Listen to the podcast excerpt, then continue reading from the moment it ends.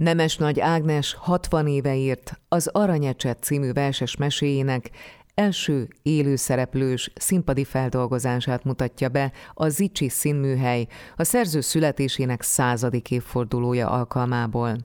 A költő 1922. január 3-án született. A január 14-i ősbemutató mellett a költő, műfordító és pedagógus munkásságát bemutató előadást is szerveznek az Icsi Színműhely a Színház az iskolákba megy programja keretében. Az iskolai sorozatban a Pilinszki János születésének századik és halálának 40. évfordulója alkalmából a MÜPA, a Vers Színház és a Zicsi Színműhely koprodukciójában készült Word of Pilinszki Létmesék kicsit és nagyon fölnőtteknek című, több szereplős összművészeti monodrámát is bemutatják országszerte. Az Icsi Színműhely 2014-ben alakult társulatát olyan színészek alkotják, akik elgondolkodtató előadások létrehozását tekintik feladatuknak, ezzel együtt az ifjúság nevelését és a magyarság tudat erősítését tűzték ki célul. Az alapító producer Zicsi Gabriella, annak a nemesi családnak a leszármazottja, amelynek tagja volt a festőgéniusz Zicsi Mihály is. Darabjaikat utazó színházként az egész Kárpát-medencében igyekeznek bemutatni. Az Icsi színműhely repertoárjában jellemzően az ifjúság számára létrehozott előadások szerepelnek, amelyeket rendszeresen játszanak iskolákban, művelődési házakban és hétvégi délelőtti előadások formájában, ekkor már családok részére is. Nemes Nagy Ágnes hit abban, hogy a gyermekek maguk is költők, és minden megmozdulásuk költészet, a költőnő versei pedig megújították a magyar gyermekköltészetet, mondja Zicsi Gabriella. Az Aranyecset rendezője Léner András, a darabban Fekete Linda, László G. Attila és Illés Dániel játékát láthatjuk. A rendező kiemelte, hogy Szita Miklós, Lizdíjas ütőhangszerművész, zeneszerző, a Talamba ütőegyüttes alapító tagja olyan zenét komponált az előadáshoz, amely játékosságával kicsiket és nagyokat egyaránt megszólít. Nemes Nagy Ágnes verses meséinek megzenésítése kapcsán Szita Miklóssal arról is beszélgettem, ha közelebbről megvizsgáljuk Nemes Nagy Ágnes költészetét, mindenképpen érzékelünk egy jellegzetes zenei lüktetést. Megkaptam a szöveget, és elkezdtem vele foglalkozni, átnézni, és várni a különböző hangulatok érkezést, akkor én is ezt állapítottam meg, hogy hogy egyébként ugye végig verses, rémes formában van megírva, és egyébként egy nagyon míves, nívós és nagyon szép magyar szöveggel íródott műről van szó, és igen, versben van végigírva. Én mindig úgy szoktam elindulni, hogy megkapom a teljes szöveget, és uh, úgy viszonyulok ezekhez a színházi vagy kísérőzenei feladatokhoz, hogy nekem az, az a feladatom van, hogy a szöveget minél hangsúlyosabban és minél szebben és minél jobb környezetbe tudjam rakni magyarul, hogy minél jobban kiemelhessem, vagy kiemelhessük a szövegnek a, a szépségét, és persze nyilván közben a drámai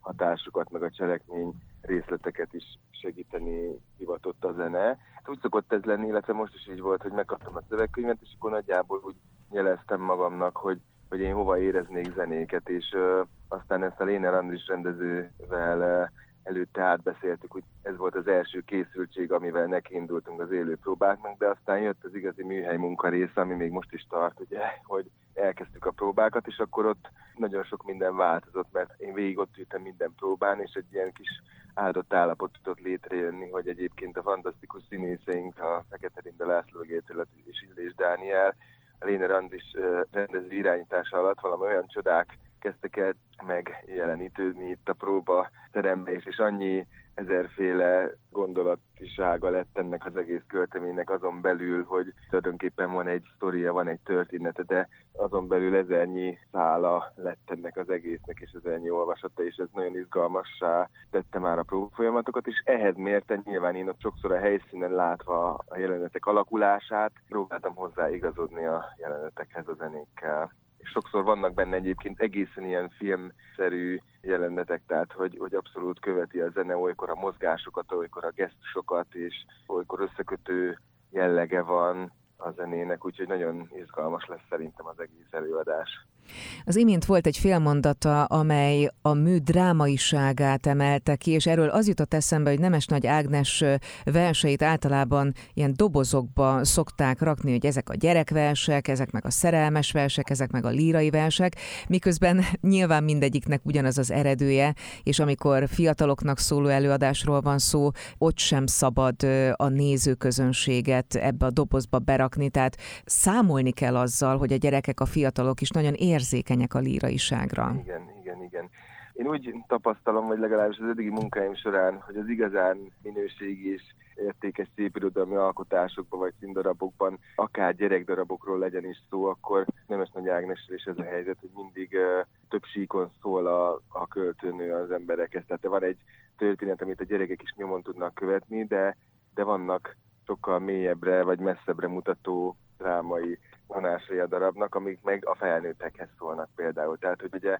tudni kell ehhez, hogy azért Nemes Nagy Ágnes a saját korában volt egyféle művészet és hatalom közti ellentét, ami elég élesen végig vonul a darabban. Persze a gyerekek ebből mást érzékelnek, de a felnőttek meg pont ezt a részét, és hogy Nemes Nagy Ágnes költészetében is, főleg ebben az aranyesetben ez elég erősen, nagyon finoman és nagyon szépen van megfogalmazva, de, de nagyon érezhetően ott van mögötte. Tehát, hogy például a művész és a hatalom közötti ellentét, meg ugye abban az időben elég sokat cenzurázták a Nemes Nagy Ágnest és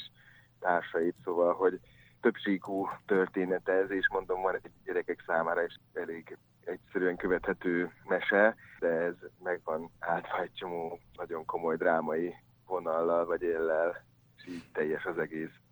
Mit lehet igazán jól erősíteni ütőhangszerek segítségével? Milyen érzelmet vagy jelenetet például ebben az esetben? Az ütőhangszerek elég sok színűek, tehát hogy ugye általában az átlagembernek az jut eszembe, hogy dobok, cintányérok is mondjuk xilofon, de nyilván sok-sok száz, sőt több ezer, ötezer féle ütőhangszer van a világon, tehát nagyon sokféle különböző szint és hangulatot lehet velük megfesteni, de igazából én úgy vagyok az ütőhangszerekkel, hogy bár az a fő hangszerem, de, de nyilván nem azzal a indítatással kezdek bármihez is neki, hogy ez most ütőhangszeres zene legyen, hanem ugyanúgy használok zongorát, vonókat, fúvós hangszereket, például egy ilyen nagy gonosz figura megjelenítését ugyanúgy megkomponálom rendesen komolyabb részugós karral, és még amit úgy érzek, hogy hiányzik hozzá. Tehát sok ütőhangszer vesz részt a darabban, sőt van egy olyan érdekes rész az egyik tételbe, ahol ilyen falu népe forgatagot jelenít meg Nemes Nagy Ágnes, ugyanúgy rímelt verses formában, és ez alá egy ilyen csak ütőhangszeres kísérletet raktam, tehát hogy egyébként sok helyen hangsúlyosak, de nem kizárólag ütőhangszerekkel dolgoztam. Szita Miklós, Liszdias ütőhangszerművésszel, a Talamba ütőegyüttes alapító tagjával beszélgettem annak okán,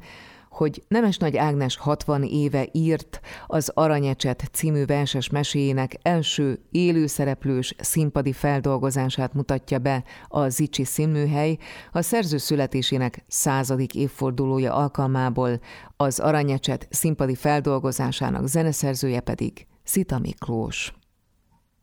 Kedves hallgatóink, hamarosan folytatódik Papagéno Klasszik című műsorunk január 8-ai adása a második órával. Benne először arról hallhatnak, hogy megjelent Grecsó Krisztián új kötete, valami népi címmel. A kötet február 8-án és 9-én mutatkozik be a nagy közönség előtt. Várjuk vissza Önöket a legfrissebb hírek után.